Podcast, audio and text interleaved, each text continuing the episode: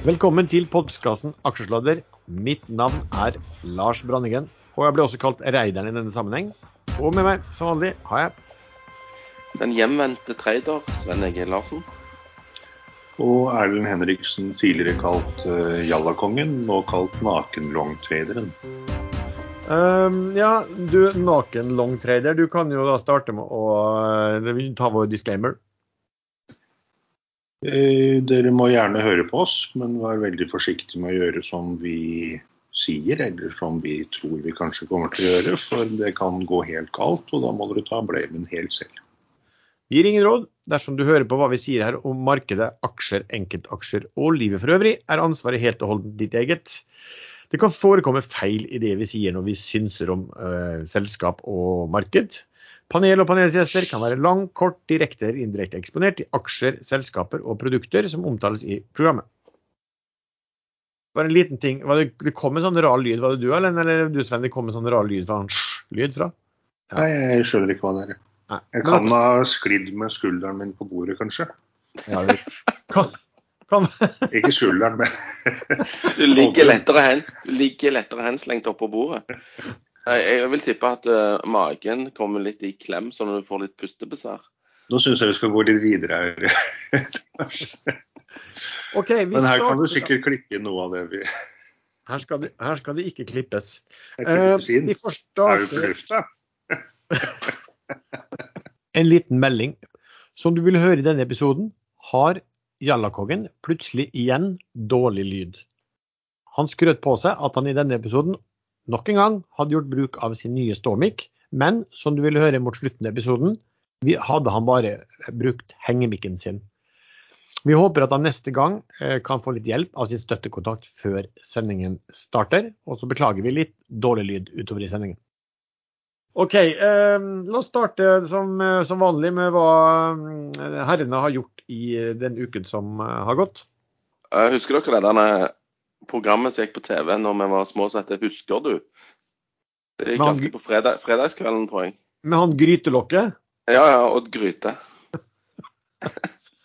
Det er et veldig betimelig spørsmål å, å stille seg i, i, i, dag. Husker du? Det er jo fredag òg. Men eh, nei, jeg, eh, eneste jeg husker, er at jeg har eh, solgt litt aksjer, og så har jeg kjøpt litt aksjer. Og så har jeg eh, jeg har kjøpt noen aksjer i noe som heter GNP Energy. Uh, som jeg sikkert kommer til å snakke om litt senere i programmet. Men det, jeg har ikke gjort noen store sprell. Det er vel konklusjonen. Jeg har småtreida litt gjennom hele uken, og så har jeg uh, reist hjem fra Spania uh, for å ordne ting og tang som må gjøres her hjemme, dessverre. Så nei, over til dere karer. Erlend? Ja, nei, Jeg trodde ikke jeg hadde gjort noe om som helst, men jeg ser at jeg har en ti-tolv handler der. Jeg var jeg kom, jeg solgte meg ut av eh, Argeo med resten. Eh, tap på den. Eh, og så gikk jeg inn i, helt ut av Yin Hui, men inn igjen i Jin Hui. Tap og gevinst. Og har økt en del i Naked Brand i USA. Og den ligger nå ca. 40% i pluss på. Det er morsomt. Og en liten bomtrede IDEX var jeg så vidt gjennom. Ja. Eh, for min del det er det litt av det samme også. Vi har, vi har jo snakket om at vi sitter og venter på den Powell skal eh, og Jackson Hole, som vi skal snakke om litt senere. Så jeg har sittet ganske stille. Eh, jeg har vært og trada litt i ALNG, som, som ble bra. Jeg har kjøpt Webstep i løpet av uken. Jeg har også kjøpt litt mer i en uh, dog som heter MPCES, som er ja, solselskap som har falt. Det er uh, vel første gang på, på, lenge jeg har kjøpt noe, men det, men det er heller ikke noe stor posisjon eh, ennå. Eh, plukket litt Ergeo eh, siste dagene, men bare litt. Så i det store og hele, da, ikke de store ikke de store svingene. Jeg kjøpte noen ting i ett selskap til, men det gidder jeg ikke snakke om nå. For å si det sånn. Um, du kan si det til bare oss. Selvfølgelig. Det er, veldig, det er, ikke så veldig, spennende uansett. Um, og så har vi jo da at uh, Sven, du er jo den som bruker å følge med på. Har, har, det, kommet noen, sånn, har det kommet noen emisjoner og, og, og nedsalg denne uken uh, her i det hele tatt? Uh, emisjoner? Ja Nei.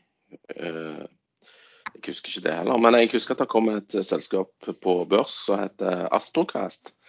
Hvor de kom fra og hvor de satte emisjonen sin, det må gudene vite. Men aksjen gikk 200% på 50 000 aksjer, som da er veldig, veldig lite. Så det, den virker litt snål og litt rar. Uh, og så kom det en, en aksje som heter Questback. Som, uh, var det Pareto som hadde den? Ja, jeg vet ikke. Den kom også litt fra intet. Jeg la heller ikke merke til den før jeg leste om den i, avisen, egentlig. Nei, det ble omsatt 500 aksjer der, eller 607 aksjer tror jeg det ble omsatt der i går. Uh, aksjekursen i IPO-en var 196 og han uh, hadde selger på 170. Den, den virker òg veldig rar. Så nå liksom, her bare hiver vi inn selskaper i det stille og håper det Så får det bare gå så det går. Men vi er i hvert fall på børs. Liksom den uh, ja. feelingen jeg fikk. Ingen av de har jo, kan jo ha vært sånn markedsført så veldig mye, siden vi ikke fikk mye av dem før. Nei, jeg har ikke sett dem på, på ekstrainvestorplattformen. Ingen videoer der. Nei, jeg har ikke hørt noen ting om så de. har sneket seg på børs, de.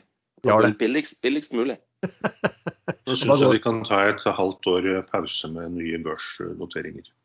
Men da, men da, kan jeg glede deg med at altså, det, Nå kom det jo fram at uh, man har satt ny rekord i noteringer i, uh, i, på, på, børsen i 2021.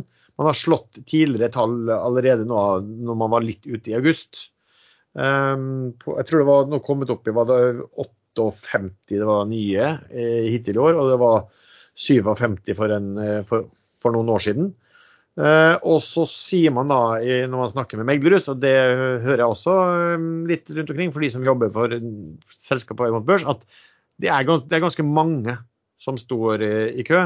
Det blir sikkert ikke så like høy trafikk som det var i, i, starten på året, eller første halvår, men det står en god del nye. Så det, her kommer det da der kommer det da ganske mange. Så rekorden blir slått veldig grundig i år, i hvert fall.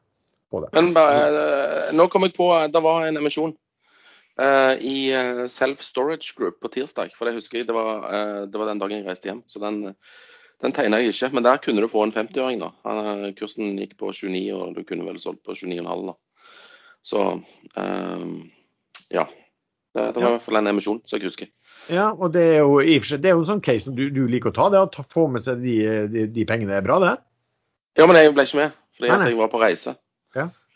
Det å sette et og skryte av hvor mange noteringer man har, det burde kanskje erstattes med å følge opp med hvor mange av noteringene som gikk bra.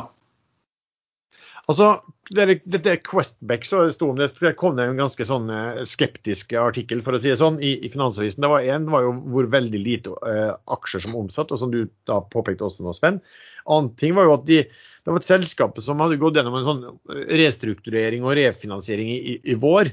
Og de hadde altså et store lån med eh, jeg lurer på om det var Nibor pluss 16% de betalte. Jeg, tror, jeg, vet ikke om jeg har hørt om et selskap som har gått på børs noensinne, som har betalt eh, renter på, på, på, godt over 16% Vil det være et forbrukslån, er det ganske billig. ja, men det er jo du, du, så, du, så, hvem de hadde tatt opp lånene hos? Eh, nei, det så jeg ikke. Det var, det var Bank Norwegian, Komplettbank, altså Ja-bank, Ressursbank og, og Instabank. Jeg tror, jeg tror. Så dette var en gjennomsnittsrente, da? altså Når du låner og betaler så mye på det, så sier det seg sjøl at da skal du ha noen voldsom avkastning på, på, på pengene bare for å betale långiveren. Og, og, og, enda mer da, enn det for å, at det skal bli noen ting igjen til Det må jo bety at det er et fantastisk selskap som har så høye marginer at de ikke har råd til dette. ja, det er å snu på flisa, det. Astrokast, det var vel også Jeg lurer på om det var, noe, om de var sveitsisk eller hva de var. Men det var jo et som drev med sånn satellitt, eh, satellittselskap. Eh, det var vel ikke sånn tulleselskap at de hadde jo en eh, virksomhet. Jeg så at de hadde gode, altså gode, var gode aktører som kom inn på eiersiden der. Men er det ikke det romfartsselskapet? Skal ikke de etter hvert øh, skyte opp raketter også? Ja, øh, det vet jeg ikke. Jeg så det bare sto som et, nevnt som et sånt satellittselskap. Um, lurte på egentlig på hvorfor kom de til, til, til, Norge i det hele tatt. Men det som var rart, jeg var, ikke hørte om det, var at når jeg så etter, så var det et, eh, et utenlandsk meglerhus som jeg aldri har hørt om før, som sto bak den emisjonen.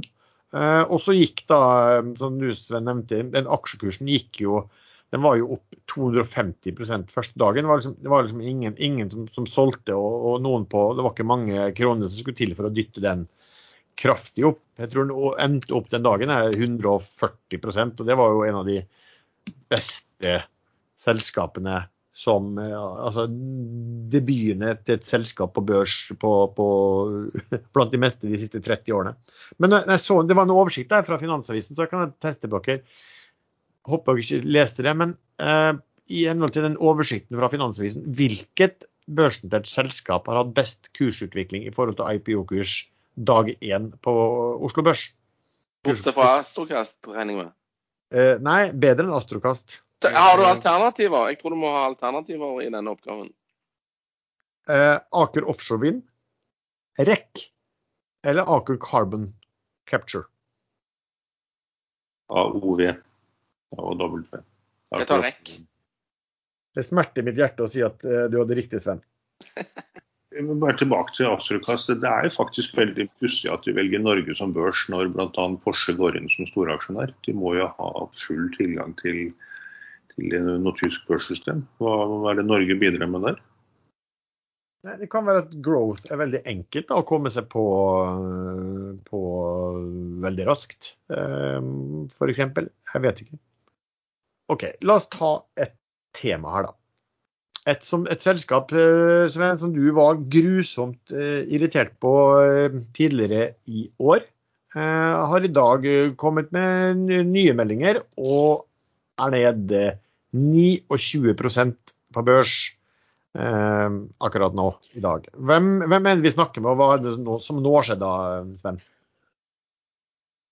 Jeg får ikke puste, jeg får ikke puste. Ah. Nei, Sven, er det fordi du satt en short på 104,6 kroner, som du løste inn sikkert på 104 kroner, og ikke holdt den helt i dag?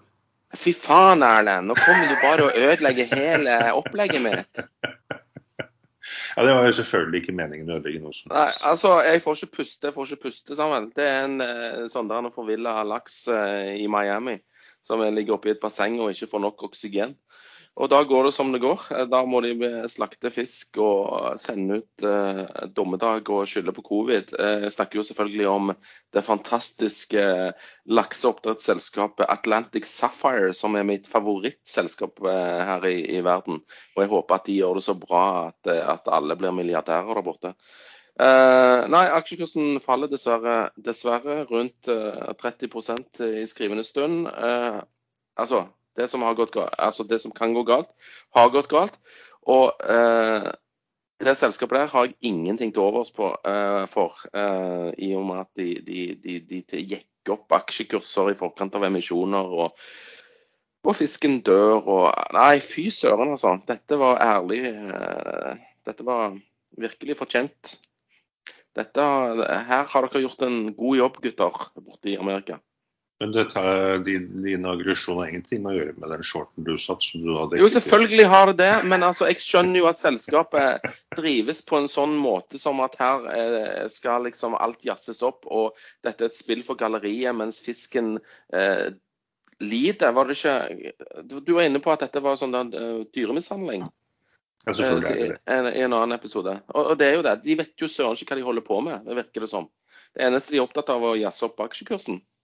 Men når eh, liksom, de fundamentale forholdene kommer til overflaten i form av en eh, laks som ligger opp ned, så, så ja, da, da, får aksjekursen òg svi. Ja.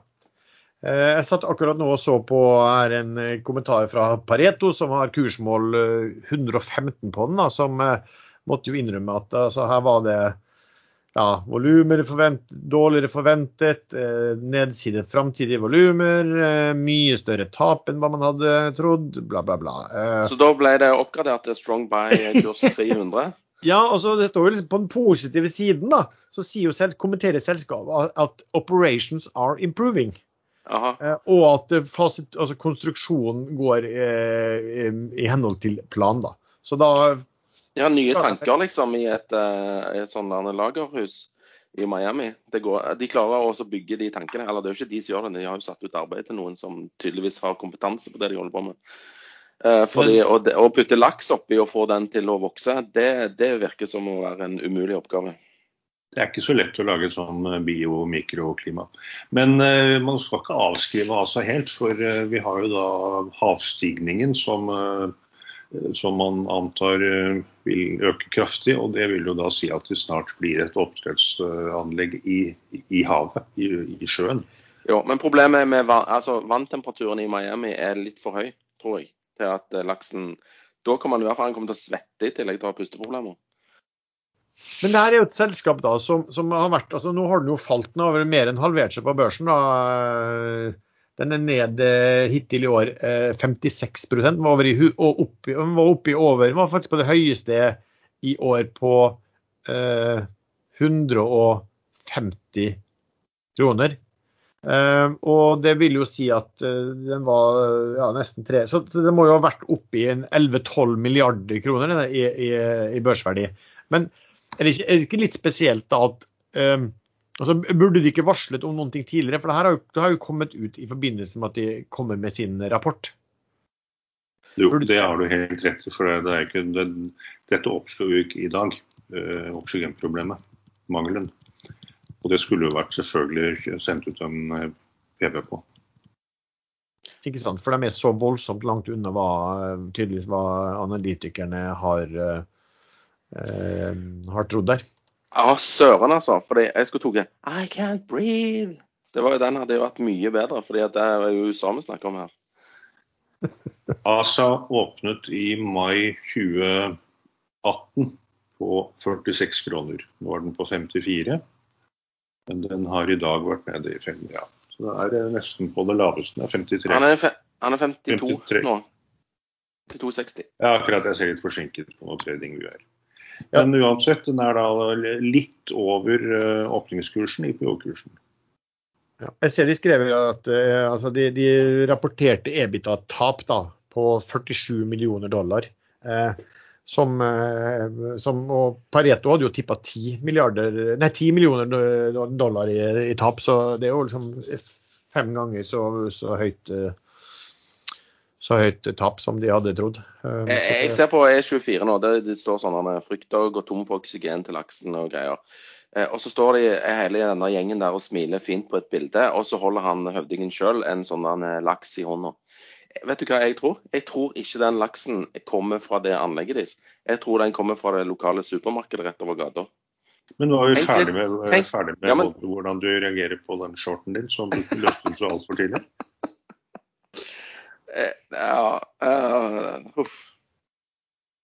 Altså, Det eneste jeg lurer litt på når jeg ser de her, er at de har jo operert, altså de kom jo med, med første halvårstall, men det virker på en E24-artikkel som om dette her med oksygenmangel er det kanskje er ganske nytt i, i, i tillegg. Altså, Eh, er det det som er resultatet av de dårlige tallene i, eh, i første halvår, eller, eller, er det her noen ting som liksom nesten kommer som, som, tillegg? Det kan man jo spørre seg om også.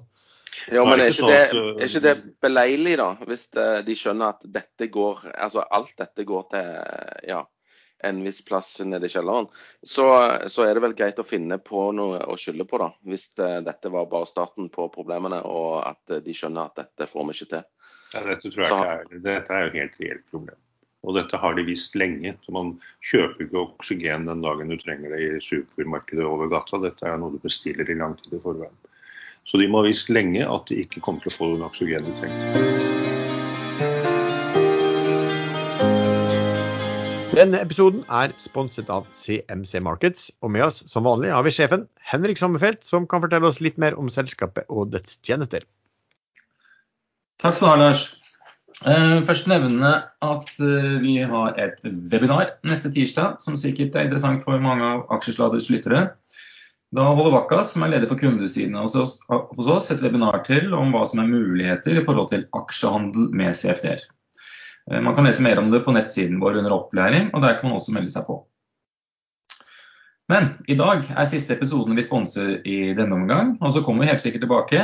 Men jeg vil eh, bare kort oppsummere litt av det jeg har prøvd å kommunisere i de siste episodene, eh, som vi har holdt på i seks måneder nå. Eh, og det er det at Ønsker man å handle CFD-er, eller lære mer om det, som en jeg i hvert fall, kanskje ikke helt objektivt, at det er viktig å være litt kritisk ved valg av leverandør. Og Da er det greit å vite at vi er den eneste i Norge som er under tilsyn av det norske finanstilsynet. Vi er den eneste som er medlemmer av Verdipapirforetakenes forbund. Vi er den eneste som er medlem av Verdipapirforetakenes sikringsfond. Og ta gjerne kontakt med oss for å lære mer om hvorfor disse tingene er viktige. Noe du helt sikkert også vil sette pris på om du blir kunde av oss, er den lokale tilstedeværelsen i Norge, med tilgang på norskspråklig sparringspartner og kundeservice mandag til fredag 8 til 5, og muligheten til å besøke oss på vårt Oslo-kontor jevnlige aktuelle webinarer og etter covid også seminarer rundt i Norges land er eh, også noen av det som følger med. Om du fortsatt er usikker, så kan du åpne en demokonto hos oss for å teste oss kostnadsfritt og risikofritt, eller ringe oss gjerne for en personlig gjennomgang. Avslutter med at det er viktig å være klar over at handel med CFD-er innebærer giring som kan forstørre både gevinst og tap, og at all trading innebærer risiko. Takk for meg i denne omgang. Og mer Informasjon om CMC Markets finner du ved å følge lenken i beskrivelsen til denne episoden.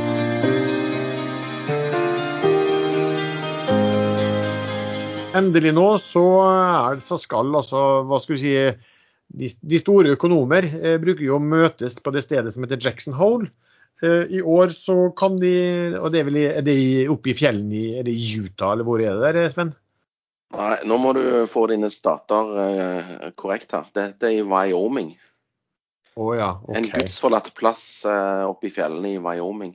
Ja, det er fint skisted, så hvorfor drar du dit eh, sånn rett etter sommeren? Nei, det er tradisjon, da. Det er sikkert billig, billig hotell og alt det der greiene. Men vi venter jo på advokaten Jay Powell, sjefen for uh, Federal Reserve som skal komme med sine spådommer og sine store vyer for framtiden. Det forventer at han er relativt forsiktig og ikke sier for mye revolusjonerende, og at eh, livet går sin vante gang, og, og Fed kjøper verdipapirer og uh, markedet stiger. Så uh, jeg tror ikke det kommer noe revolusjonerende fra han i dag, men uh, kommer kanskje til å hinte om tidspunktet for når de skal slutte med disse verdipapirkjøpene sine. Ja, eller kommer de til å hinte Altså, tapering, er det egentlig å slutte, eller er det egentlig bare at det skal avtas? Nei, de slutter med å kjøpe. Eh, og så lar de de eh, verdipapirene de har, for, altså, eh, bli innløst. Altså, de går til eh, ja. Eh, hva det heter når, når eh, et lån blir innfridd? Forfall. De går til forfall, egentlig. Ja. ja. Altså De bare sitter med det, og så vil uh, balansen sakte, men, altså Fed sin balanse sakte, men sikkert bli redusert. Uh, som en følge av at verdipapirene blir innfridd etter hvert. Men uh, Sven, de går vel ikke fra å kjøpe masse til å kjøpe ingenting? De trapper jo. vel ned? Gjør det? Jeg tror de går fra De kjøper ingenting. Okay. Men jeg er ikke sikker. Nå, nå, jeg ble litt usikker nå, Lars. Men tapering betyr jo at netto så vil det bli Altså, Nettoeffekten er at balansen reduseres, og da må de jo la ting forfalle mer enn det de kjøper inn. Det er riktig, hvis, hvis, det, hvis, det skal, hvis balansen skal reduseres, noe de i høyest grad eh, på en måte bør gjøre også. Men hva, ja, hva tror du, Erlend? Tror du det kommer noe spesielt nytt som kommer til å gi markedet kneskjelv, eller? Ja, øh, nå kom det Det er jo covid som er liksom den store sorte, sorte svanen ennå. Om det virkelig blir ille en gang til, eller om det nå begynner å gå seg til. Og I dag meldte Danmark at de har bestemt seg for å ta, endre definisjonen på covid til at det lenger ikke er noe kritisk sykdom, og kutter ut alle tiltak, absolutt alle, og lar den sykdommen øh, gå gjennom befolkningen. fordi det viser seg at eh, fullvaksinerte i veldig, veldig liten grad blir syke. Og da, Så lenge sykehusene ikke fylles opp, så, så er jeg også helt enig i at da kan vi ikke stenge ned samfunnet. Eh, man har jo selvfølgelig problematikken med senskader, som vi vet altfor lite om. Hva med disse unge som ikke blir vaksinert, eller som ennå ikke er vaksinert? Vil de komme til å slite med senskader selv om ikke de blir veldig syke? Det vet vi ikke noe om. Men eh, sånn er nå engang verden. Man må gjøre enten det ene eller andre. Nå har Danmark bestemt seg for å kutte ut alt. og Hvis flere og flere land følger etter, så tror jeg kanskje vi kan sette en strek over covid som en potensiell eh, markedsknekker for denne gang. Eh, men eh, med forbehold om at det kan komme en variant som er verre enn dagens. Men man skal altså huske på at siden 2007 så kan vi jo si at, da, at Fed sin balanse, altså forenklet da si pengetrykking, den har økt eh, fra 2007 og til nå fortløpende. Men den, den dobla seg jo, har jo dobla seg under, eh, under covid-tiden. Og så var det da en gang i, i 2019 eh, eller var det 2018 de, der de prøvde seg på en tapering. Eh, bare, bare, det at de prøvde seg på var nok til at markedet falt 20 eh, Og da ble de så redd for aksjemarkedet og kapitalmarkedet at de bråsnudde og begynte å trykke igjen. Jo, men den gangen hadde vi ikke nullrente, og heller ikke multitrilliard tiltakspakker osv. som man har nå, som allerede nå begynner å settes i drift. Kombinert med omstilling til det grønne samfunnet, hydrogen osv. som som man vet vil skape veldig mange arbeidsplasser. Du, det, jeg, lurer litt på nå, er hvem av dere er det som har et, en fugl sittende i, i Nei, jeg, jeg, jeg, ser for meg han jeg ser for meg Erlend sitter med ei kråke på skulderen ja. eller noe. Ja. sånn det ut. I, I bur sitter og mater og blir klar til middag. Sitter og fôrer med eh, sånne små eh, kjøttbiter. Jeg vet ikke om denne nye ståmikken min har sånn støvegrensning, og jeg sitter med døren åpen og verandaen utenfor, og der er det en strømledning som går over gatene. Der pleier det å sitte kråkerås der og meis og trost og kose seg. Ja, og rød, rødspette. Vi hører det i hvert fall. Nå, nå Men jeg går og lukker døren, så da blir jeg borte i fem sekunder. Aksjesladder nå som naturprogram, liksom, med sånne fuglekvitring i bakgrunnen. Mens han gjør det, da, da, da, er det sånn at Powell han skal da tale eh, eller i, i Jackson Hole i det symposium, for å si det sånn, klokka fire i dag. Det var, det var riktig, Sven? Det er det jeg har lest klokken 16 norsk tid. Så da kommer det jo noen headlines på, um, på diverse nyhetstjenester. Så da er det verdt å følge med på hva som kommer til å skje. Jeg tror markedet kommer til å ta det som et gjesp, egentlig. Fordi at det, Jeg leste at Goldman Sachs forventa at uh, ved septembermøtet i Fed, så skulle de diskutere tidspunkt for tapering. Og så vil de komme med en offisiell eh, annonsering i eh, november om at de starter med tapering i desember. Mm. Det kan jo fucke opp eh, julekulene våre, men eh, det får gå som det går.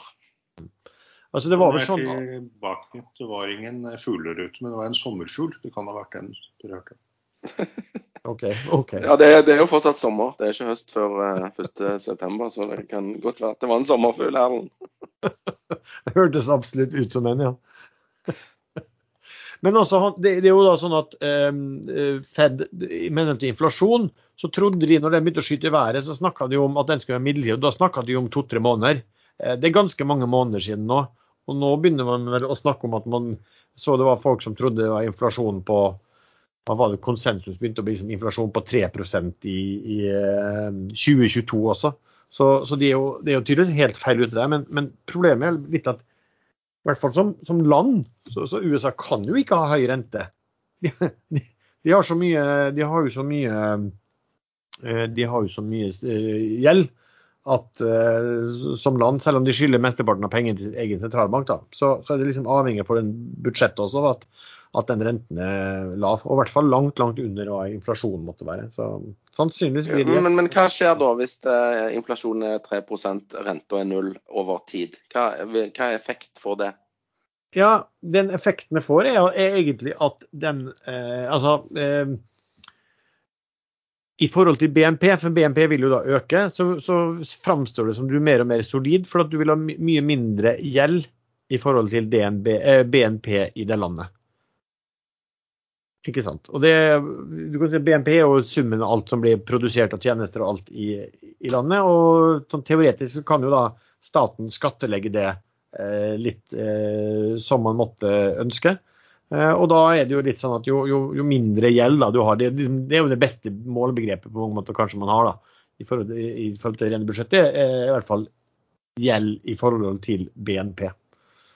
Og øker BNP, og gjelden din står nesten stille, så, mm, så blir det lavere. Ga det, ga det noen mening? Ja, Det er du helt er flink. sikkert, Jeg syns du er flink, jeg, Lars. Det er helt sikkert masse mening ut fra gammel måte og hva som skjedde før, men det skjer jo eh, Det, det funker jo ikke sånn lenger.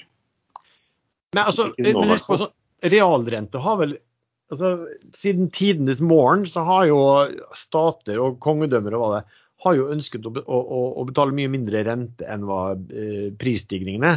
Eh, nettopp pga. sånne ting. som det er. I, I gamle dager da, så var det vel sånn at når eh, kongene lånte penger av eh, borgere og rike borgere og andre rikere det og skulle betale tilbake igjen, så var det jo mynter. da, det sånn, de, begynte å, de begynte å redusere sølvinnholdet og, og putta inn nikkel i stedet.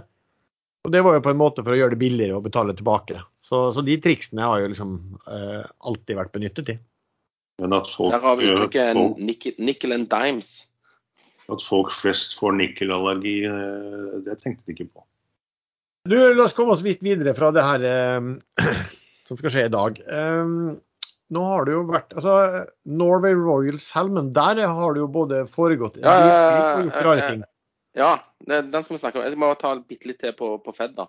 For Jeg leste i, i dette morgenbrevet til, til Pål Ringholm at eh, vi får håpe at Fed sin retrett eh, ikke blir lik eh, USA sin retrett fra Afghanistan.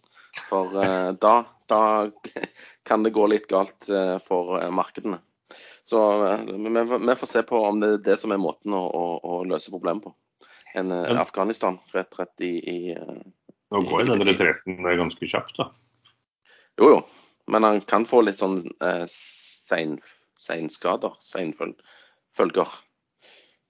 Ja. De må i hvert fall ha stor, stor tro på sin egen evne å kunne administrere dette hele greiene. da. I hvert fall tilsynelatende.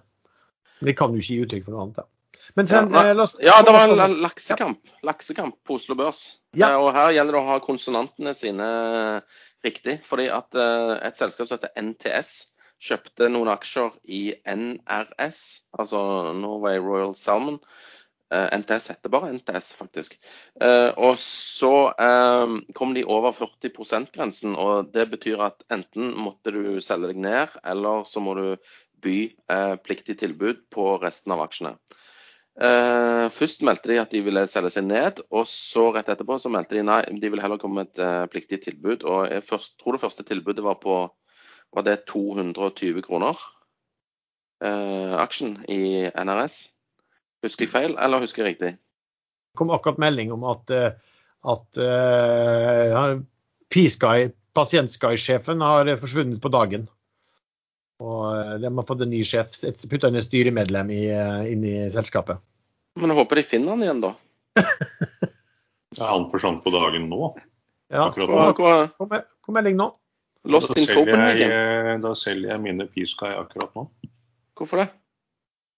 Uh, lønner ikke det seg når sjefen forsvinner. Det er jo stort sett en grunn eller mange til det. Ja, men altså at det er trist at altså, de finner den ikke igjen, liksom? Eller uh, uh, er det derfor du selger? Nei, jeg liker bare ikke når uh, Nei, hva hva skjedde her?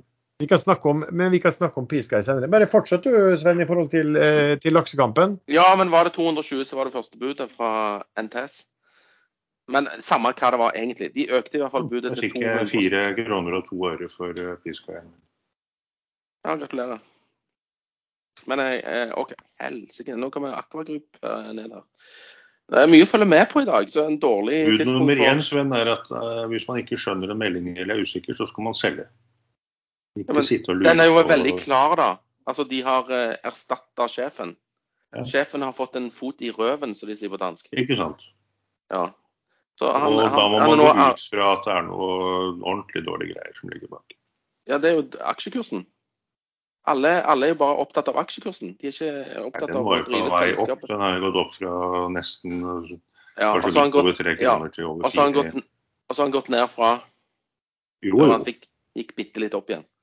Dette er jo sånn jeg lever av, å prøve å plukke opp sånn når Ja. man er på vei opp igjen. Jeg syns du er flink, jeg, Erlend.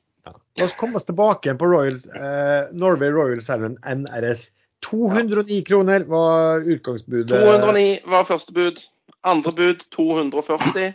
Ja. Og, og da så det ut uh, til at uh, NTS skulle klare å sluke eh, NRS. Da var de kommet over eh, 40 eh, og ja, således hadde relativt god kontroll. Men så, ut av det blå, kom det et bud fra SalMar på alle aksjene i NRS på 270 kroner aksjen. Og markedet jubla sendte NRS-aksjen opp i to, eh, over 2,75 i hvert fall. Eh, men så, og ABG liksom oppgraderte NRS-aksjen og trodde kanskje på et bud over 300, og, og alt lå til rette for en heidundrende laksefest der oppe i, i er det Midt-Norge de holder til, disse, alle disse selskapene? Rundt Trondheim og, og det området der. Eh, og så eh, snudde ting i går. For plutselig så kom det en melding om at alle innsiderne i NRS hadde solgt aksjer på 275. Eh, og det var jo over budet på 270 fra SalMar.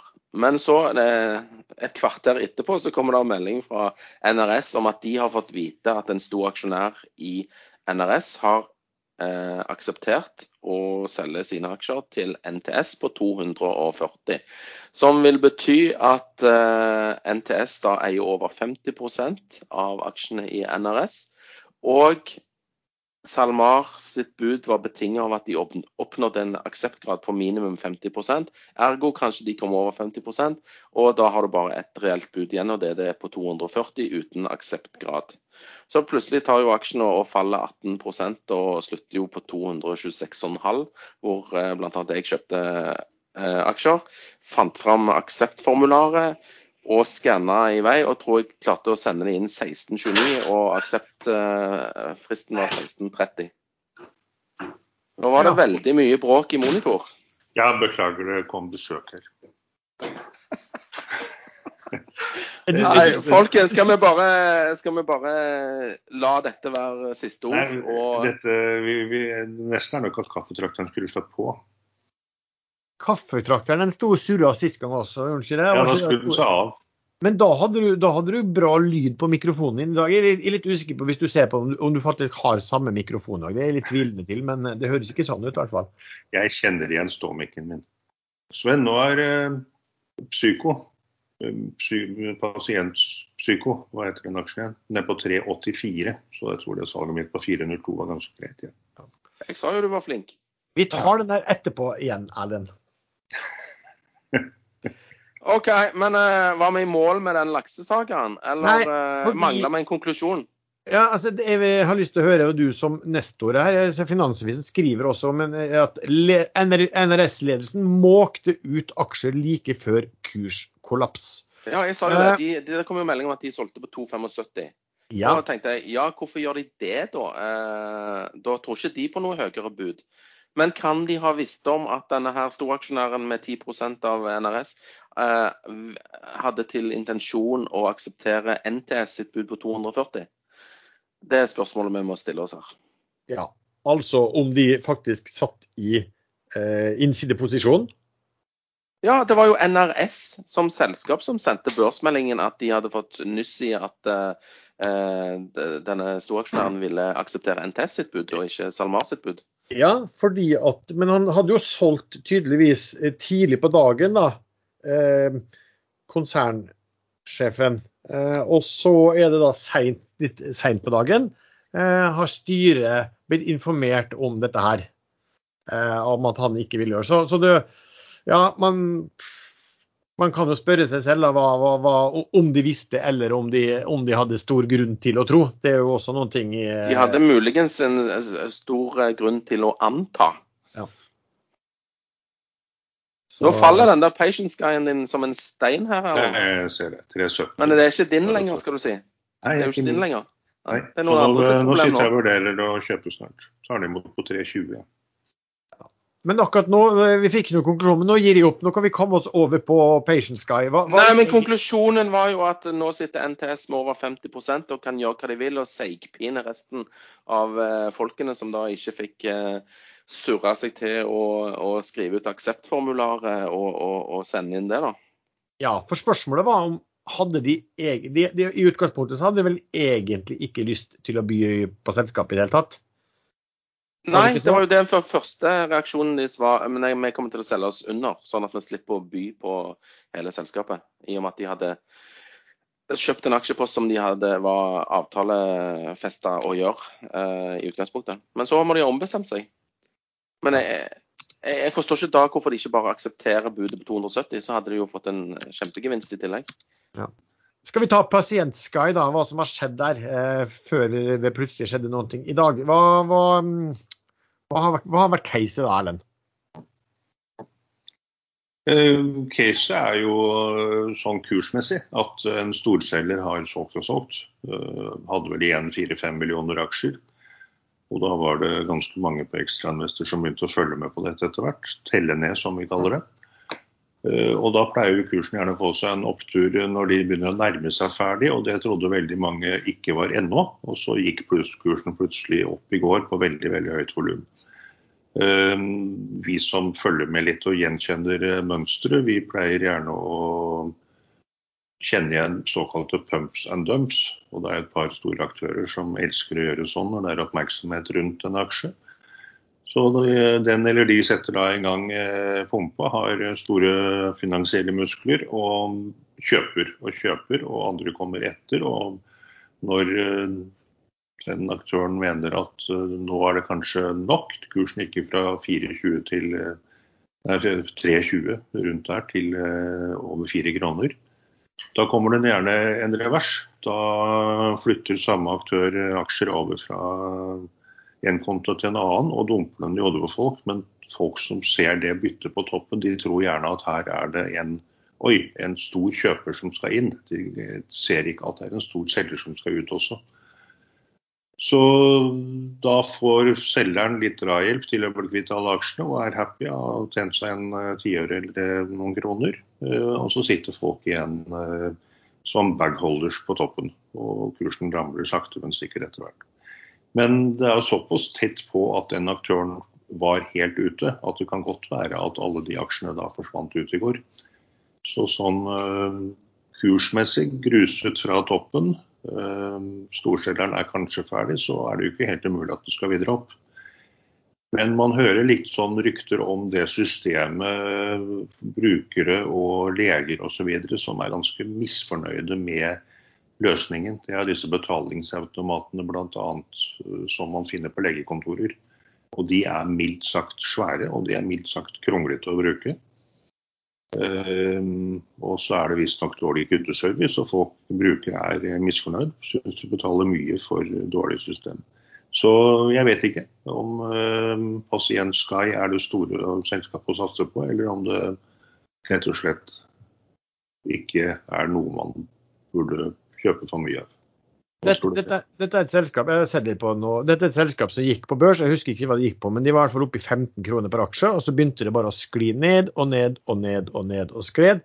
Helt til de plutselig kom da med en eh, børsmelding eh, om at eh, de kom til å Se når de sendte den. De kom til å levere mye dårligere tall, da, guiding, enn enn hva de har ventet. Og der er et sånn type sånn vekstcase også. De falt da 29% på én dag i, eh, i juli. 7. juli kom de med meldinga falt ja, 30 falt i den dagen, ned til 5 kroner, og egentlig bare fortsatt nedover. Og Det er fordi at en nominikonto som står på JP Morgan, har eh, solgt aksjer. Det er helt riktig som du sier, mange av Vi har satt og telt ned hvor, hvor fort dette gikk, og anslo vel i går om at, at de kanskje kunne være Eller for noen dager siden så hadde de fortsatt over 3 millioner aksjer igjen, eller det var vel det? Det var mer, eller om, om vi regna på at i går satt de kanskje igjen med 3 millioner ekstra. Og, det, og da er det jo sånn at når man ser det der, så er det veldig mange som sitter og følger med på. Vi har snakket om det her også, at det er smart å gjøre det og følge med på. For hvis det bare er den som dundrer ned kursen, så får du ofte en veldig fin rekyl eh, når sånn er tom. Um, jeg satt faktisk selv og fulgte med på det de siste dagene. Hadde kanskje tenkt å se når det var en antok at de kanskje hadde igjen halvannen til to millioner. Da var det et bra tidspunkt å gå inn.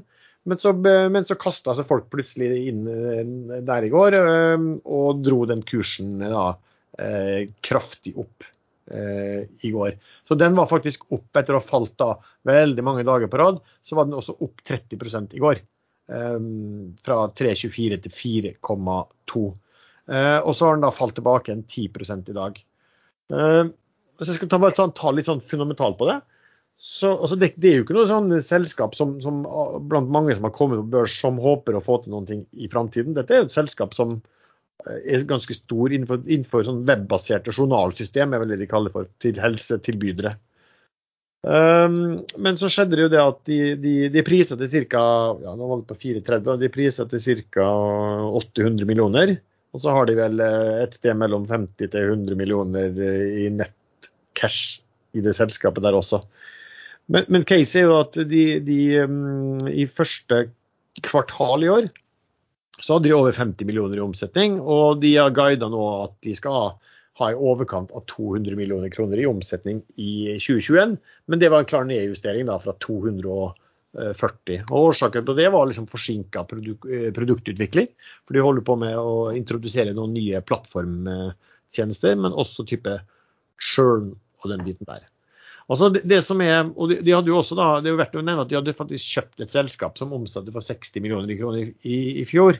Eh, så hvis du tar de inn i det bildet her, altså hvis du ser på hva de omsatte i fjor, eh, og legger på at de har faktisk kjøpt opp et selskap, så er det da svært lite eh, inntektsøkning som de nå eh, forteller om for uh, 2021. Og det er klart at Den type selskap her er jo veldig ofte priser. altså Dette er et selskap som gikk med Eh, ja, de hadde driftsresultat på minus 17 millioner bare i eh, første mm, kvartal. Um, og det er klart at Man er litt avhengig av den type selskap, at de skal fortsette å vokse da, for at du skal få, at du skal få en sterk lønnsomhet.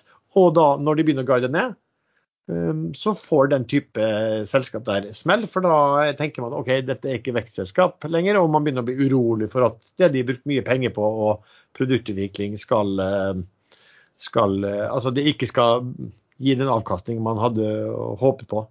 Eh, ja, de har vel en egenkapital rundt dagens børskurs, men den består stort sett. De har altså aktivert over 500 millioner i customer relations. da.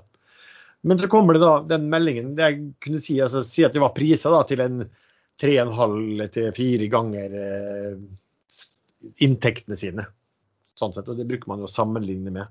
Um, og det, det, trenger ikke å se så ille ut i forhold til andre, men spørsmålet er da når du ikke vokser, hva skal du prises i da? Um, når jeg ser det at han, han, sjefen forsvinner på dagen, um, da begynner man jo å bli urolig for om det de guidet i juli av inntekter heller ikke skal bli uh, riktig. da. Uh, det, og Det er vel kanskje derfor at da folk begynner nå å skuffe ut, selv om den er fortsatt på langt høyere nivå enn den var i, ved starten i går. Men der er det jo som trader, hvis man ikke er veldig langsiktig og ikke har veldig, veldig tro på selskapet, øh, som man kanskje ikke burde ha etter at sjefen blir tuppa ut og de guider det du fortalte om i stad, med at det ikke går så bra som det burde gå. Øh, hvis man da ser på det som skjedde i går, så, så bærer det alle preg av en pump and dump. Det er sånn typisk akkurat sånn det foregår. Og midt på dagen så kom det også et kryss som man tydelig så over børsen på 604 000 aksjer. Jeg vil tro det var på 604 500 aksjer, for hvis man sjekker aksjonærlisten, plass nummer 29, der ligger Danske Bank med 604,5 K. 604,5 000 aksjer. Vi prøver igjen. 604 500 aksjer, og det stemmer nøyaktig med det krysset som var i går. Så her er det noen som da låner inn eh, aksjer av Danske Bank eh, for å kunne shorte den når de selv har pumpet den opp og dumper det de har kjøpt på veien opp, pluss å sette shorten på toppen. Det, er, eh, det lukter veldig som en pump and dump, så jeg holder meg nå unna den aksjen. Det er litt for tilfeldig. Nå, nå er Atlantic Sapphire under 50. Ja. Det er den aksjen du er så glad i, det. Jeg elsker den aksjen. Hvordan gikk det med Du holder shorten ennå? Du har altså mat kråka di, du heller. Um, 104 kroner, så, satt du sjøl for Norge. Nå må vi gå videre. Takk skal du ha. Eh, da, er vi ferdig med, da har vi snakket litt om, eh, om pasientskap. Jeg har ikke noen formening om hva, hva, som er fair prising på det, men de har i hvert fall falt fordi at de har skuffet, og så har noen satt ut. Og så får man se om det da betyr at et overheng av eh, aksjer til salgs eh, er blitt borte, eller holder på å bli borte. Det vil vise seg. Det er jo mye laks i dag, da. fordi at nå har vi jo Det, det er jo en ny deal som har kommet opp nå også. Det er jo Aker-sjef Røkke og SalMar-sjef Witza. Så nå vil Aker og SalMar gjøre ting sammen innenfor oppdrett. Sven, har du sett på hva de skal finne på? Eh, det er i hvert fall rett element de har tenkt å putte denne laksen i, altså langt til havs. Eh, og det er bedre enn i sånn tanker på land, tenker nå jeg. Men bortsett fra det så har de vel mobba altså han Jensen i DN mobba vel Røkke for at han var så seint ute med å, med å, å, gå inn i oppdrettsbransjen. Og, og Røkke sier selv at han har tatt litt feil nå eh, tidligere. Eh, han burde gått inn i laks tidligere. Men det Hvor mye penger har han Jensen på kontoen sin egentlig, i og med at han mobber Røkke? Nei, Det vet jeg ikke, men jeg vil tro det er mindre enn Røkke. Ja, Vi kan bli enige om det. Det er mindre enn Røkke. Ja, tror kanskje det. Uh, men uh, bortsett fra det så har jeg uh, kun lest overskrifter og bitte litt i de artiklene som er kommet. da. Så jeg vet du Lars, du, du liker jo Røkke og kommer fra samme by. og og, og prøve å identifisere deg med han. Eh, sånn at du vet sikkert mye mer om dette enn meg.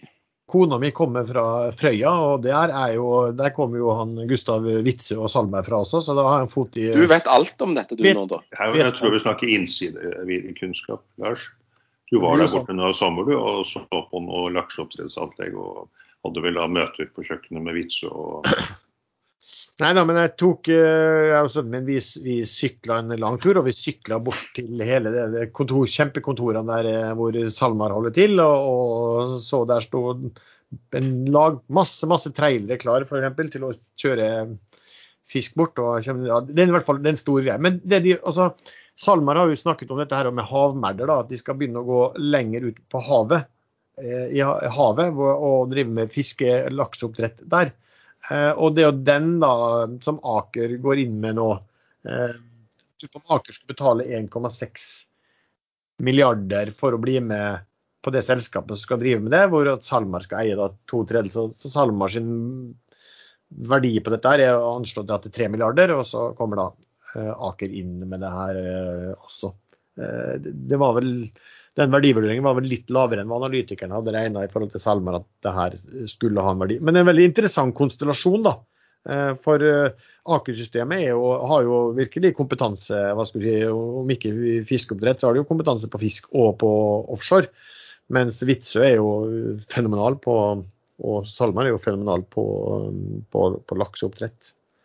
Eh, sånn sett. Men det, det jeg syns var interessant der, var For det, det skrev jeg i chatten egentlig og så lurer jeg egentlig på hvorfor Røkke aldri gikk inn i eh, oppdrett. Han kom jo fra fisk, og det har jo vært fantastisk. Men det han faktisk fortalt nå også, at han, han bomba rett og slett på det. Han hadde mer tro på, på, på hvitfisk i, eh, i, i, hav enn oppdrett av hva skulle vi, rød, rød fisk. Um, så det var ikke noe, noe annerledes enn det. det ble, men, eh, derfor, derfor, derfor uttrykket 'fisker blir vi din lest', liksom. Ja, det er et godt gammelt uttrykk. Ja, men, men det jeg vil jo si at det er en kort vei da, ved å drive eh, fisking i havet til å, å drive fiskeoppdrett også. Nei, du får ikke den, Det er mye lettere å fange fisk eh, når det er oppdrettsfisk. Du har ikke den utfordringen med å fange fisken og prøve å lete etter den i havet. Han ligger liksom i den runde innhegningen der til havs. Og, og er det der den ligger? Mest sannsynlig hvis han ikke har rømt. Men jeg har sagt det før, hvorfor kjøper ikke fiskeoppdrettere en eh, stor, gammel, eh, utrangert eh, oljetanker og renser den og har fiskeoppdretten oppi båten? Da er man jo sikret mot vær og vind og, og, kan til og med kjøre til kundene sine. Dette har jeg patentert, så hvis noen har lyst til å ta ideen, så må man kontakte meg. Ja, De står sikkert i kø. Skal vi se, Vi har fått en del spørsmål fra seere her også. Kan vi starte med en som du kan Døde. Lars seere. Og det er så deilig å kunne klippe. Nei, det, det, går ikke. I stad sa Lars også 'telt opp'. Telte er det du gjør i hagen, Lars. Talte opp, heter det. Jeg tenkte jeg skulle være snill denne gangen. La oss ta Lars nå. Ja, men det blir jo sånn var Første episode vi hadde sånn som avslutta med vi, 'vi ses'. Det er bra gjort av en podkastredaktør. Um, Sven, havjord er det kommet et spørsmål på. og Det har jo vært spekulasjoner rundt uh, utdeling, at, at havørn kan dele ut flere av, uh, av sine havaksjer da, som, som, utbytte til aksjonærene. Hva, hva, hva, tror du om det, og hva tenker du om verdien på havjard i forhold til hav i dag? Åh, det er synd at jeg ikke fikk dette spørsmålet på forhånd, for da kunne jeg regnet ut eh, verdien av eh, Havyard sine havaksjer versus kursen på Havyard. Så eh, det gjorde jeg for noen måneder siden. Men som, Ingrid, fram... ja, men, men som Ingrid Espelid, så kan jeg hjelpe deg litt med det. Ja, Har vi juksa litt? Ja, juksa litt. Det, det, det, liksom, Husker du å nå eh, denne Hva heter denne programmet til Ingrid Espelid eh, Hovig? Ja, det husker du. Nei, jeg juksa, juksa litt etter. Nei. vi mister jo alle lytterne våre nå. Ingen, ingen TV-kjøkken eller noe? Ingen av våre unge lyttere som har hørt om noe av dette her. Gatekjøkken? heter ikke det? Nei, det heter det sånn eh, kjøkken altså, ja. Dere, dere Men du har juksa litt. Dere kan det norske navnet for eh, fastfood? Hurtigmat. Fast føde. Den var veldig dårlig. Et, nei, det er ikke dårlig. Du står på et gate, sto på et gatekjøkken og kjørte forbi en gang langt ut på landet. Den var så dårlig Erlend, at jeg tror du etter episoden kommer til å sende meg en, tekst, en melding sånn som du gjorde sist gang, med å skrive at akkurat den der kan du bare, kan du bare klippe. Jo, men du skulle jo ha 5000 kroner for å klippe det bort. altså Da, da ble det jo ikke klippet bort. Nei, og, og, det øker for hvert minutt du ikke tar beslutningen. Det er sånn det bruker å være. Du Sven, skal vi se, jeg skal hjelpe deg litt. Havjard, jeg så på det tidligere i dag, så var market capet på Havjard 290 millioner. Verdien av eh, aksjene de har i hav, var verdt 383 millioner. Så de var prisa da til 25% rabatt på verdien de satt på i eh, havaksjene. Så har du da verft i den grad det er verft. Så er verftet, hvor, negativ, hvor, mye negativ verdi er det på det? Det er det liksom du må tenke. Eller positiv verdi, hvis det er det. Ja. Så du, trekker du fra eller legger til. Men hva tenker du da om liksom, rabatten og muligheten for at de kan, de kan dele ut uh, utbytte i form av aksjer? Hva skjer da? Jo, de kan det, men da er jo Havjord bare verftet. Og det er vel litt kjedelig. Men da må de nesten bare gå av børs, da, hvis de har delt ut alle havaksjene sine. Ja, hvis de deler ut alt, da. De kan jo dele ut en, en, en del. Ja, det kan de. Jeg har ikke tenkt så mye på det. For vi får ta det når den tid kommer. Hvis den kommer. Men er det ikke sånn at eh, veldig mange eh, verft nå sliter med å få bygget sånn i de andre landene som eh, bygger båter pga. covid? og Jo, men nå, nå, nå skulle ikke dette Havyard-verftet skulle ikke bygge båter lenger. De skal bare drive med, med sånn der, reparasjon og vedlikehold og, og ja. modifikasjoner. Service, liksom? Ja. Serviceverft. Det er ikke en helt stor risiko nå, så du kan jo egentlig gjøre deg opp noen regnestykker. Så det, det riktige er jo eh, long havjard, short eh, hav, men det ville ikke jeg gjort. Av den enkle grunn at det er så illikvid, og plutselig så kommer det noen galninger og tar tak i den ene, og så blir du skvisa herfra til evigheten. Ja, og pluss at du har da du har jo da verftet, som du sier. Det, det, det kan jo plutselig så De holder på å ferdigstille de båtene de har. Det det er, jo, båter de har bygd før, så man skulle tro at det har de kontroll på. Men da har vi vist det på verftet at plutselig har man ikke kontroll likevel. Når man begynner å nærme seg slutten på oppdrag. Så det, du har en usikkerhet da, på hvordan det går med de, de byggeoppdragene de har fortsatt inntil de, de, er avlevert. Og det siste blir vel avlevert da i, i slutten av året, tror jeg. Sånn sett. Men det er jo ikke så uvanlig. altså Hvis du bare, hvis du hadde tenkt på det og så du sagt at du har 25% rabatt, så er ikke det så uvanlig da at man har eh, rabatt. For da, da, tenker du egentlig type sånn på Havyard som, eh, som, et investeringsselskap. Eh, og jeg har jo nevnt dette Treasure, f.eks., som er liksom på Oslo Børs som er en sånn bastard, som jeg kaller det, som kun har én ting. De eier kun eh, aksjene sine, aksjer i et stort uh, koreansk selskap som heter Hyundai Glovis. Uh, og der man har, kan kjøpe altså uh, Treasure med 40% rabatt uh, på de, disse um, Hyundai-aksjene. Så strengt tatt der vil det jo være en, en, Hvis du tror at den skal inn, og det bør den gjøre hvis Wilhelmsen-familien klarer å gjøre noe som helst fornuftig, så burde man jo egentlig gå long Treasure og short denne um, Hyundai Glovis. Men ja, Så det er bare et eksempel på at du kan ha stor rabatt på investeringsselskap. Hvem ringer du for å få lånt inn aksjer i Glovis? Altså, vil jo tro det, det, er, det, er jo, det, er, jo, en aksje som der omsettes for hundrevis av millioner kroner hver dag. Så hvis du har internasjonale kontakter, så er det vel sikkert muligheter til å, til å gjøre det. Du kan, ringe, du kan, jo ringe, Treasure og spørre om du kan få låne deres aksjer å går shortene. med. Ja. Jo, takk.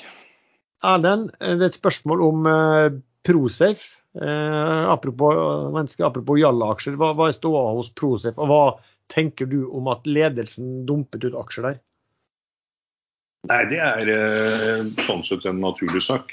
Eh, man vet jo at det kommer eh, milliarder av nye aksjer sånn sett på kurs 1,20, men det er jo ikke det som er selvkosten til de som konverterer. I hvert fall ikke det som er det de føler de må ha, for aksjene for å komme greit ut av den dealen. Men jo, det, det syns jeg ikke er så rart at de ledelsen fikk lov til å selge aksjene sine på en pen kurs, og det var jo helt opp på helt opp på langt over 1,50, tror jeg. Eh, nå er kursen på 1,06, eh, så det er jo langt under de 1,20 som man vet at uh, all gjelden konverteres på. Uh, men Prosif er fremdeles det jeg kaller et vacuum case. Uh, det som skjedde midt under en sånn litt normalkursjustering, det var at både ledelsen da solgte, som noen oppfatter som negativt, som for et vakuumcase egentlig bare er positivt, for da får man jo enda flere intelligente aksjonærer. Eh, men de meldte også for et par dager siden at de har søkt konkursretten i Singapore om utsettelse til ut, ut januar 2022. Og da vil jo dette, denne prosessen vare mye lenger. Og man skal jo ikke se helt bort ifra at det kan være noen problemer som har oppstått med aksept fra låntakere eller eh, eller noe annet. sånn at Det er jo alltid en konkursrisiko i sånne case som er i en rekonstruksjon. Eh, de må ha nok enighet, og de må ha en løsning som konkursdommeren etter hvert aksepterer. Så eh, Foreløpig holder jeg meg unna, nå vil jeg først se hva som skjer. 28.9 eh, er det visstnok et møte i konkursretten i Singapore, hvis ikke, det, hvis ikke det også da blir utsatt. Så ingen hast. Det er minst ut januar, vil jeg tro, eh, før eh, det kommer en enighet. Og det kan vare helt til februar-mars, kanskje til og med april, før det kommer nye aksjer i markedet. Så ingen bråhast. Det kan bli et ordentlig vakuum-case en gang til. Men man er jo avhengig av at det kommer noen av disse gale pumpe-dumpe-menneskene inn som drar kursen opp. Det er jo ikke små retail-tradere som klarer det, og det er i hvert fall ikke jeg. Eh, jeg kjøper når jeg føler at kursen er så lav at risk reward er grei nok, og så blir jeg med opp eh, og selger så høyt som mulig hvis, eh, hvis den går opp. Men det var jo ingen, var ingen tegn sist gang den gikk opp. Den gikk jo opp fra én til to over det også på kort tid. Det var jo ikke noe tegn til at det var noen større aktører som tok deg hvis du så på aksjonærlisten? Nei, eh, da gikk den fra rundt 1,10 til 3,06 eh, på, på, et par dager. Og så dumpa ned igjen til eh, langt under to. Jeg fulgte egentlig ikke så godt med på aksjonærlisten. Men det kan godt være at det var jeg som utløste akkurat det rallyet, for jeg tok 500 000 aksjer opp til 1,20 og plutselig stakk den. Ja folk ser at noen, da tenker folk at noen, noen, skal inn, og noen vet noe. Og her er det en uh, pennystokk. Og ja, vi regner med at vi finner en andre folk som er strengt tatt dum nok. For det er jo det vi snakker om, i hvert fall hvis du, ja, ja. Selv, hvert fall hvis du skal finne noen som har tenkt å sitte med den til sannhetens øyeblikk kommer. For blir jo, det blir jo, uh, det blir jo vondt uh, på den. Når vi først bare nevner eh, Prosif, eh, Sidril er jo også egentlig et vakuumcase helt til det er avgjort om aksjen overlever eller eh, dør. Men Fredriksen fortsetter å selge seg ut, så den er ekstrem high risk. Jeg ville aldri rørt den nå. Der kan det komme melding om at de har vet godtatt det budet fra de som ønsker å kjøpe riggene, og så er selskapet kommet. Freyr Sven har vi fått spørsmål om. Hva er status på Freyr batterier? Freyr, ja. Det er fin, fin selskapsnavn. Fint selskapsnavn. Uh, nei, uh, i dag, uh, den dag i dag eh, blir faktisk eh, aksjene som kom fra Freyr på OTC, eh, klare for handel på New York Stock Exchange. Så da kan de som har sittet støkk der siden den ble tatt av OTC, nå endelig handle de aksjene. Bortsett fra det så har Pareto kommet med en kjøpsanalyse, target 20 dollar per aksje. Aksjen ligger nå i 8,5. Eh, og så, De hadde jo et sånn Blue Sky-mål, sånn eh, aksjen kunne gå 1500, 1500% eller et eller annet sånt. Men det, det, er ikke helt reelt. De sa ikke at aksjen kunne gå så langt. De, de sa vel bare at eh, egenkapitalen kunne komme opp i 1500% høyere. Men det vil jo betinge at de sikkert har henta litt mer penger for å vokse. Så, eh, og da er det flere aksjer å dele eh, egenkapitalen på. Eh, bortsett fra det så har det vel skjedd eh, relativt lite. Men eh, de er jo i et rett segment, og um, de trenger batterier. Verden trenger batterier framover. Men jeg tror det vil ta litt tid før du ser noe De må først bygge fabrikker og, og lage batterier og selge disse før det ses på liksom cashflowen. Den positive cashflowen. Det blir vel mest cash ut nå, da. Men de har en del cash på bok etter emisjonen. Pipe-emisjonen. Jeg vet ikke helt uh, mer hva som har skjedd der. Jeg tror, ikke det har skjedd, jeg tror ikke det har skjedd så veldig mye operasjonelt, i hvert fall. Nei. Er det andre enn Pareto som ja, følger det selskapet og kommer med noen analyser, eller? Jeg har ikke sett noen. Skulle ikke Freyr eh, være med å bygge en batterifabrikk borte i Finland i forbindelse med, vil jeg tro, da Keliver litiumprosjektet som Nordic Mining er en del av? Det er, du, det er jo du, som er gruvesjefen. Ja, du er, men jeg er ikke Freyr-sjef. Nei, nei, men, men eh, du, du, følger jo med i hele spacet, gjør du ikke? Men du gjorde en elegant eh, en overgang eh, Erlend, til, til, eh, neste spørsmål du fikk, som, som, du er den som er best å svare på. Det var om Nordic Mining. Eh, for der var det en, en kobbergruve planlagt i Finnmark som eh, da hadde fått noen avtaler med noen tyskere, som nå den avtalen så ut til å gå fløyten. Spørsmålet var hva, hva, er det her da? Hvilke implikasjoner har, kan dette ha for Nordic Mining? Det var et godt spørsmål. Kan du bare fortelle hva som har skjedd med disse, den tyske eller den kobbergruven? Og, ja. ja, Nussir har jo da et eh, kobberressurs oppe i eh, Finnmark. Eh, hvor de også er avhengig av sjødeponi. Eh, hvor de da deponerer restpassene eh, fra gruveproduksjonen, fra kobberproduksjonen, på, på fjordbunnen. Som tilsvarende som Nordic Mining skal gjøre med sine restmasser. Jeg nekter å kalle det for avfallsmasser, for det er ikke det det er. Det er egentlig akkurat det samme som renner ut i elvene etter erodering av fjell har gjort i millioner av år. Det er veldig lite kjemiske stoffer i det hele tatt. Eh, hovedsakelig noe de kaller flokkuleringsmiddel, som gjør at støvet skal Det er ganske finmalt støv, som gjør at det skal binde seg så ikke det flyter rundt i fjorden. Men uh, dette er veldig betent, og det er store internasjonale kampanjer mot å investere i gruveselskap som benytter seg av sjødeponi. Uh, selv om man vet at landdeponier som er alternativet, de kan både flomme over, og kan, dammen kan briste, og det kan blir ekstremt stygge katastrofer når en sånn dam eh, brister. Eh, men da har da det tyske kunden bestemt seg for av eh, da politiske grunner, kaller man det, vel det, når det er press fra miljøvernorganisasjoner til å droppe den investeringen i Nussir, eller droppe offtake-avtalen. Det er ikke nødvendigvis noen katastrofe, for verdensmarkedet er jo ganske greit på kobber, så de vil få omsatt det de produserer. Men Sånne offtake-avtaler innebærer ofte også at selskapet går inn, inn, med en investering i selskapet eller til et lån eller tilsvarende. Så de må på, på en eller annen måte så vil Nussir sannsynligvis måtte hente mer penger. og dette setter jo litt presedens, og Nordic Mining kan oppleve det samme. Eh, men de har offtake-avtalen sin med japansk kunde i utgangspunktet. I hvert fall på, på titanoksiden sin. Eh, og japanere ser litt annerledes på sånn enn, en de gjør i Tyskland. De har ikke det samme presset mot seg. Så jeg tror vel egentlig ikke at det får noen innvirkning på Nordic Mining, men sjødeponi er betent. Og hvis Nordic Mining har noen som helst mulighet til å gjøre noe annet med, med restmassene enn å deponere de på fjordbunnen, eh, så burde de absolutt se på absolutt alle muligheter. Selv om det koster mer, så vil det koste mye mer å miste investorer. Mm.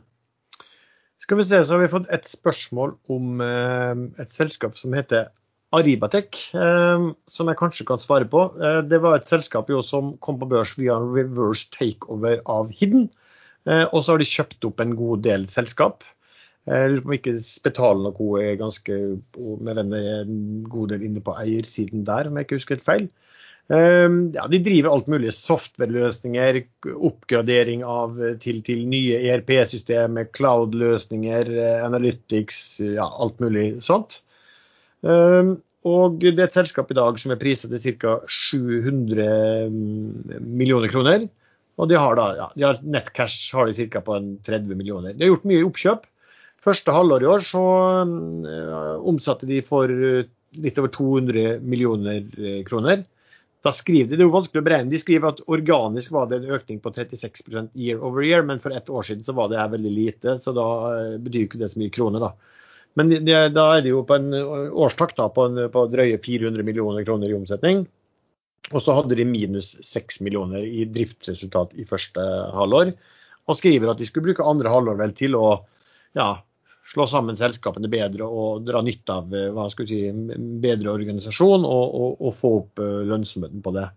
Eh, egenkapital er på 350, da priset de vel til en sånn ja, prisbok på to.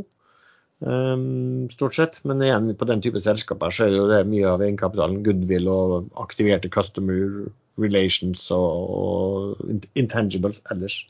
Så ser man jo ofte bare på, på, price sales, men da bruker man på det som er altså gjentatte recurring revenues. Um, og det utgjør da, sånn som jeg kunne se det, ca. Uh, 40% av inntektene.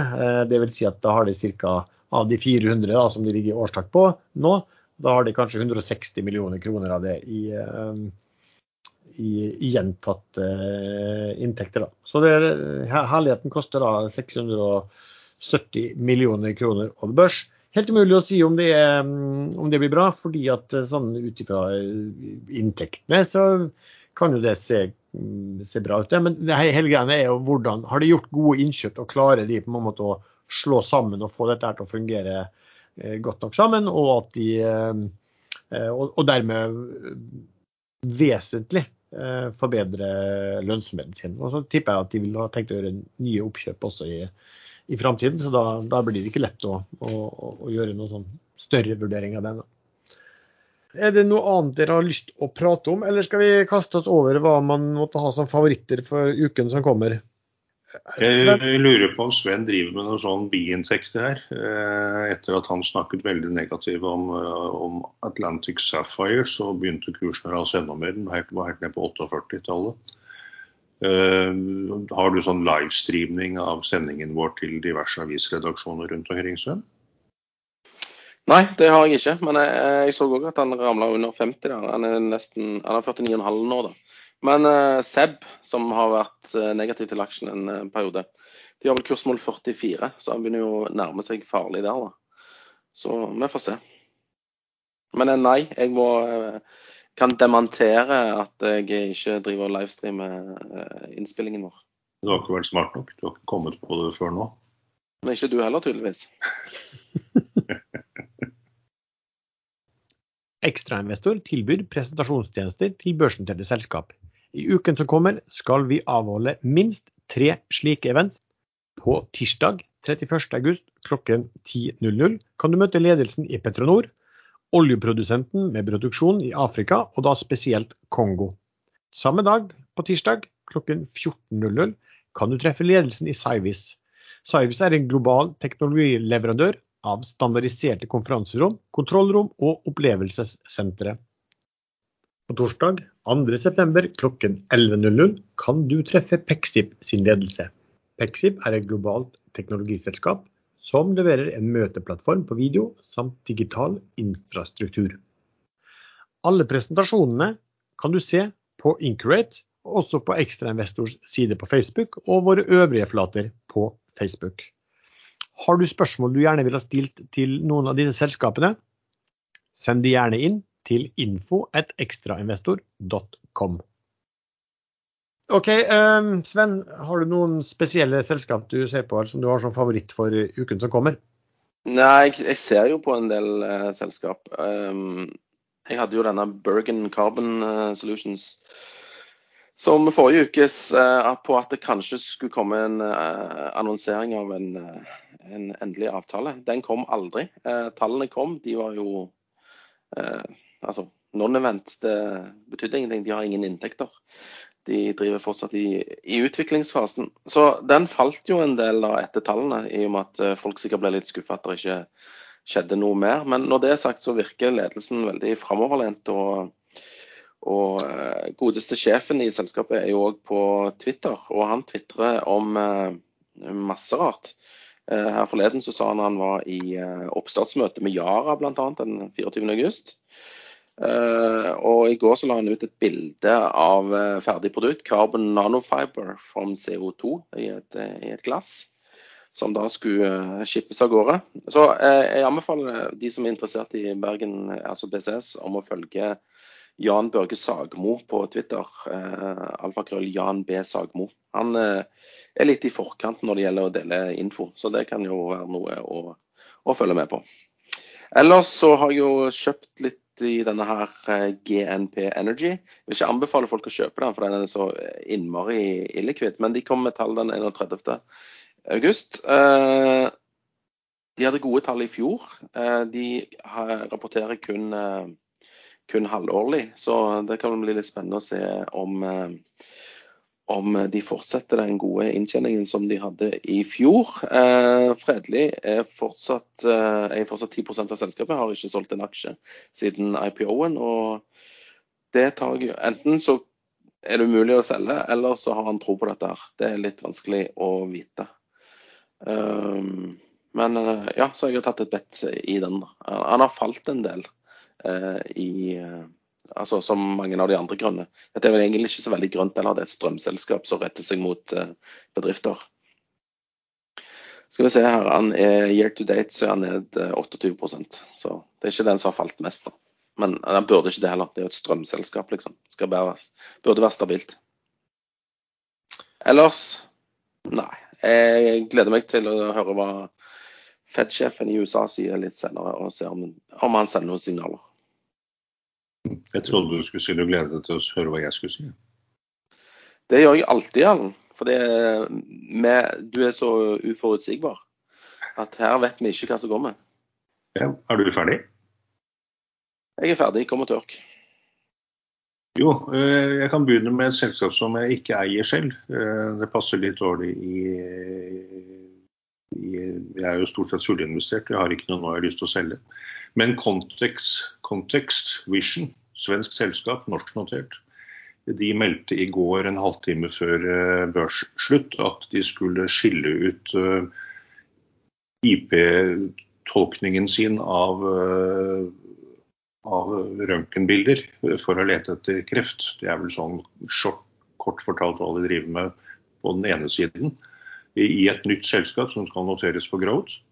Eh, og så beholder de eh, hardware-delen hvor de lager røntgenmaskiner og skannere og litt sånn uh, forskjellige ting i det børsnoterte selskapet. Og de mener at det vil gi en god del uh, Det heter vel ikke da synergieffekter, men at det vil bli enklere case for investorer å investere i hvert sitt selskap. Eh, og Hvis man da er i kontekst eh, når de skiller ut til Growth, så uten at jeg har lest hele meldingen, så vil jeg tro det er en selvfølge at man da også får aksjer i det nye Growth-selskapet. Mm, Eller i hvert fall rett til å kjøpe. Eh, kursen har gått rundt 10% vel siden den meldingen kom i går. Den gikk rett opp 6-7 og i dag er den Da må jeg klikke litt her for å finne fram. Eh, I dag den, ligger nå på over 22. Og det er, eh, det er opp uh, ca. 6 til i dag. Så den tror jeg kan gå og gå. Den har gjort det før. Den startet på en veldig mye lavere kurs. Eh, den lå rundt 60 kroner, men du kjørte en splitt. Jeg husker ikke splitten, forholdet på den, men den kursen har gått veldig mye siden de kom på norsk børs. Eh, det er et seriøst selskap, de er dyktige. Eh, det er et marked som kommer til å vokse og vokse. AI-tolkning av røntgenbilder kan se endringer mye raskere enn menneskelige øye kan. Og de kan tolke ekstremt mange bilder på kort tid med det systemet. Så jeg tror markedet er gigantisk. De har eh, ligget litt flatt en god stund, eh, mye pga. Eh, korona. Det har medført forsinkelser litt overalt, ikke bare i andre bransjer, men også den bransjen. Men en inngang nå tror jeg kan være bra. Så jeg kommer til å følge med på den framover, og håper den ikke stikker altfor langt opp før det passer meg å gå inn. Eh, og Noe av grunnen til at jeg eh, heller velger å beholde pengene et annet sted, det er at denne Naked har nå gått 40% siden jeg snakket om den første gang. Og sikkert til fem-seks neste gang nå. Da lå jo kursen flatt og gikk litt ned. Men det medførte at jeg fikk økt en god del. Eh, og jeg har forklart grunnen før. De er gjeldsfrie. De har 270 millioner dollar på bok. De har rendyrket selskapet og er nå i oppkjøpssamtaler med et annet selskap som de har karakterisert som et selskap som kommer til å ha stor, store vekstmuligheter i decades to come, så i mange tiår framover. Uh, den... Men kan jeg spørre en ting? Ja. Uh, Naked vil kjøpe en annen aktør? De, ligger i, de kjører nå due diligence på det for, uh, selskapet de skal kjøpe, eller merge med. Det vet vi ikke ennå. Okay. Ja, jeg håper at de har fremforhandla dealen, da, siden de, hvis de går ut og snakker om at dette er et selskap som skal uh, ha store vekstmuligheter in decades. da regner jeg med at Hvis, hvis, hvis ikke, så regner jeg med at motparten dobler prisen med en gang. Ikke sant. Nei, de har laget en uh, non-binding agreement. Det meldte de. Så ja, alt kan skje i sånne avtaler. Så hvis den avtalen ikke blir uh, fast fisk, som, som, det heter, da, da, vil jo kursen rase igjen. Eller hvis eh, markedet oppfatter det selskapet de eventuelt signerer en endelig avtale med, som eh, kjedelig. Så her må det være litt uh, sexy, det som kommer inn. Og det er klart at et selskap som heter Naked, de henter jo selvfølgelig inn noe som markedet vil oppfatte som sexy. Eh, det må jeg få lov til å regne med. Men, men er det sånn, eh, det selskapet, er det et useriøst selskap? For at min første, Når du sier at eh, de har vært og uttalt seg om et selskap som de er i oppkjøpsforhandlinger med, og uttalt seg på den måten, da tenker jeg med en gang at dette høres jo helt vilt uh, useriøst ut. Et seriøst selskap ville jo holdt kjeft, kanskje sagt at de var i forhandlinger med noen, og så heller karakterisert de uh, når de hadde kjøpt det? Ja, Det er litt sånn på kanten. Men uh, som jeg skrev på Extra Investor, man må et selskap som var på konkursens rand, som uh, plutselig ble dratt opp sky high av uh, disse meme memetrederne borte i USA, Wall Street Boys, og klarte å sette ned emisjonen og bli kvitt all gjeld og starte på nytt. Da må man gi dem litt slack. Da må de få lov å være litt useriøse. Litt jeg, må, jeg, må, bare få lov å si at, at, det heter Wall Street Bets, selv om du hele tiden sier Boys. Ja. Wall Street Boys er mye kulere. Ja, egentlig. Ja. Litt diskriminerende, kanskje. Men uh, ha, ha, ha, Hashtag han investerer. Hashtag jeg så det på, så, jeg så det på en, en, en uh, Vålerenga-Vikingkampen. Der hadde de både uh, sånn reklame for DNB da, og så Der sto det hashtag hun investerer, og rett ved siden av hashtag han investerer. Så, ja, så det er bra. Så de har fått eh, kjeft for den der, ja. det er litt sånn eh, omvendt rasisme, det der at man plutselig skal synes det er ålreit å skrive hashtag hun investerer. De er jo helt på kanten. Skjønner ikke at de eh, klarte å gå ut med noe sånt. Men, men. Eh, jo, DD eh, kjører DD. Hvor lang tid det tar, det aner man jo ikke. Kursen har gått ganske jevnt oppover. og Det pleier å være et godt tegn. Den har ikke gått et veldig rykk og så flattet ut eller falt tilbake. Men går en 6-7-8-9 hver dag. Eh, det kan selvfølgelig være noen som pumper den opp, for så å dumpe etter hvert. Men stort sett er det et godt tegn når en kurs går jevnt oppover i forventninger på nyheter. Og hvis nyhetene er bra, så eksploderer de gjerne. Og hvis da denne gamle Wall Street Bets-gjengen hiver seg inn en gang til, eh, gammel kjærlighet, rustrikke osv., så, videre, så så er det litt sånn ubegrenset hva en sånn aksje kan gå opp. I USA er det jo absolutt ikke uvanlig med eh, både 100, og 200, og 500 og 1000% oppgang på, på, noen timer. De er jo klin gale. Flere enn det, har du noen andre, Erlend? Uh, jo, jeg tenkte jeg skulle si at uh, psykoaksjen kunne være et interessant bett i måten har befalt så mye, men nå når CEO blir sparka, så er det noe jeg avventer. Okay. Ja, for min del faktisk hadde jeg tenkt å ta uh, P-Sky-aksjen uh, i dag som en uh, liten sånn obs til folk, fordi at jeg hadde antatt at den salgsposten ville begynne å gå tom litt utover i uken. men her ble det jo det frontrunnet eh, i går. Um, så da var ikke det så veldig avklart. Du, ellers så, så eh, Jeg vil ikke si jeg har noen favoritter. Jeg vil, har jo sagt jeg vil følge med på hva som skjer med Fed eh, i dag. Eh, og så har jeg ikke hatt så veldig tid til å følge med på alt som skjer ellers. Så det er liksom ingenting som eh, peker seg ut sånn spesielt for, på noe som, som jeg ser skal dra nytte av kommende uke. Noe mer dere vil tillegge før vi stenger av? Jeg fikk forresten en sånn eh, melding fra en lytter om eh, hva det med uttrykket 'en klype salt' betydde. Så jeg takker, takker for, for, hjelpen. Ja, hva betyr det? Hvor, kommer du fra? Det betyr at noe ikke er spiselig uten at du tar, også, tar en klype salt eh, i maten. For å klare å svelge det, så må du eh, legge til en klype salt. Du, Erlend, kan jeg spørre en ting? Ha, ha, har du, har du sendinga på, på, på, mobil, eller har du den på Mac-en din? eller hva har du? Nei, jeg har eh, koblet um, ståmikken min på Mac-en. Ja, ja. Som jeg hadde forrige gang. Men hvis du ser det bildet, altså, så har du tre sånne prikker nede i eh, høyre hjørne. Jeg har i hvert fall på PC-en min. Ja, da må jeg hente fram uh, på Mac-en eller på Skypen. Du har jo Skypen din på Mac, har du ikke? Jeg sitter jo og ser jo. på Ser du at du har tre prikker? Ja. Se, når du klikker på de tre prikkene, kommer det opp da at du kan klikke på lyd- og videoinnstillinger? Turn off incoming video, audio video settings, ja. Kamera.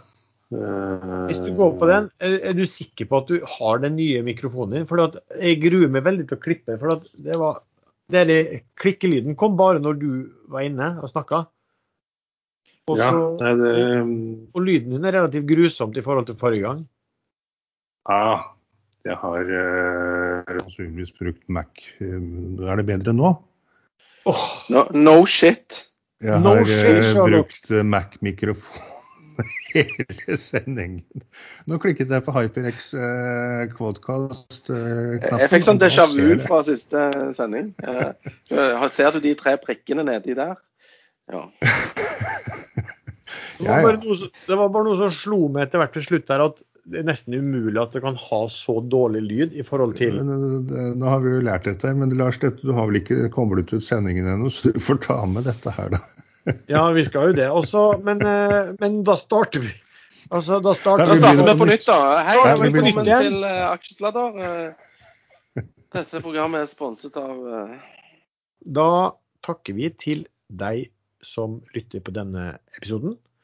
Uh, vi tre finner man ofte inne på chatten på Ekstrainvestor.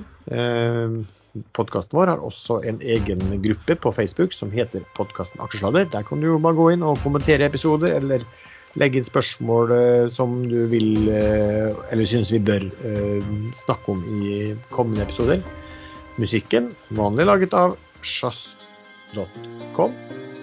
Og vi høres.